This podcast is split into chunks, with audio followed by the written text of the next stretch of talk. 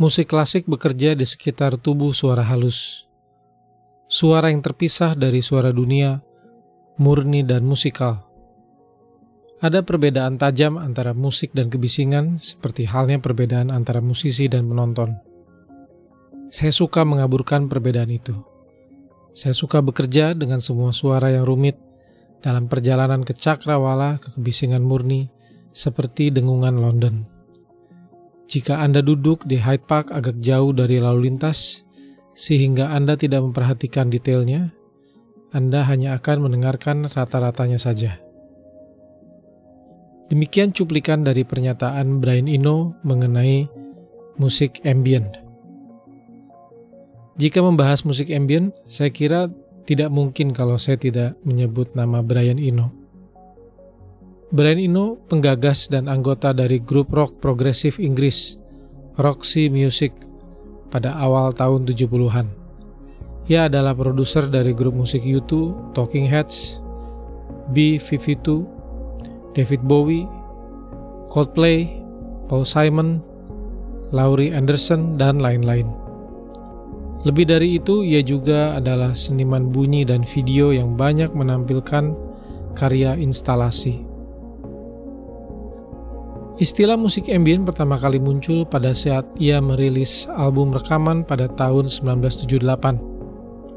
Pada masa itu Ino melihat bahwa orang-orang ingin memiliki opsi lain dalam menikmati musik, yang selama ini lebih banyak mendengarkan radio dan rekaman dengan teknologi mono.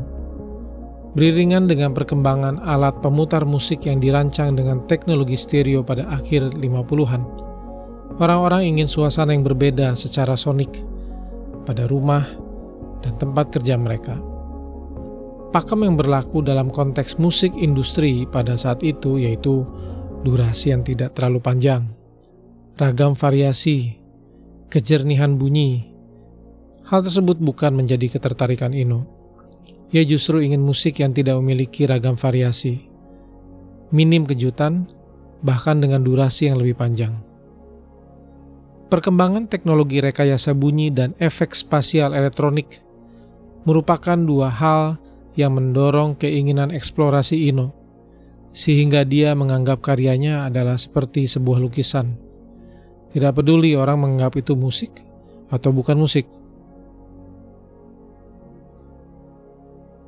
Hal menarik lainnya adalah peristiwa kecelakaan yang menimpanya pada tahun 1975 awal, yang mengharuskan Ino beristirahat di tempat tidur.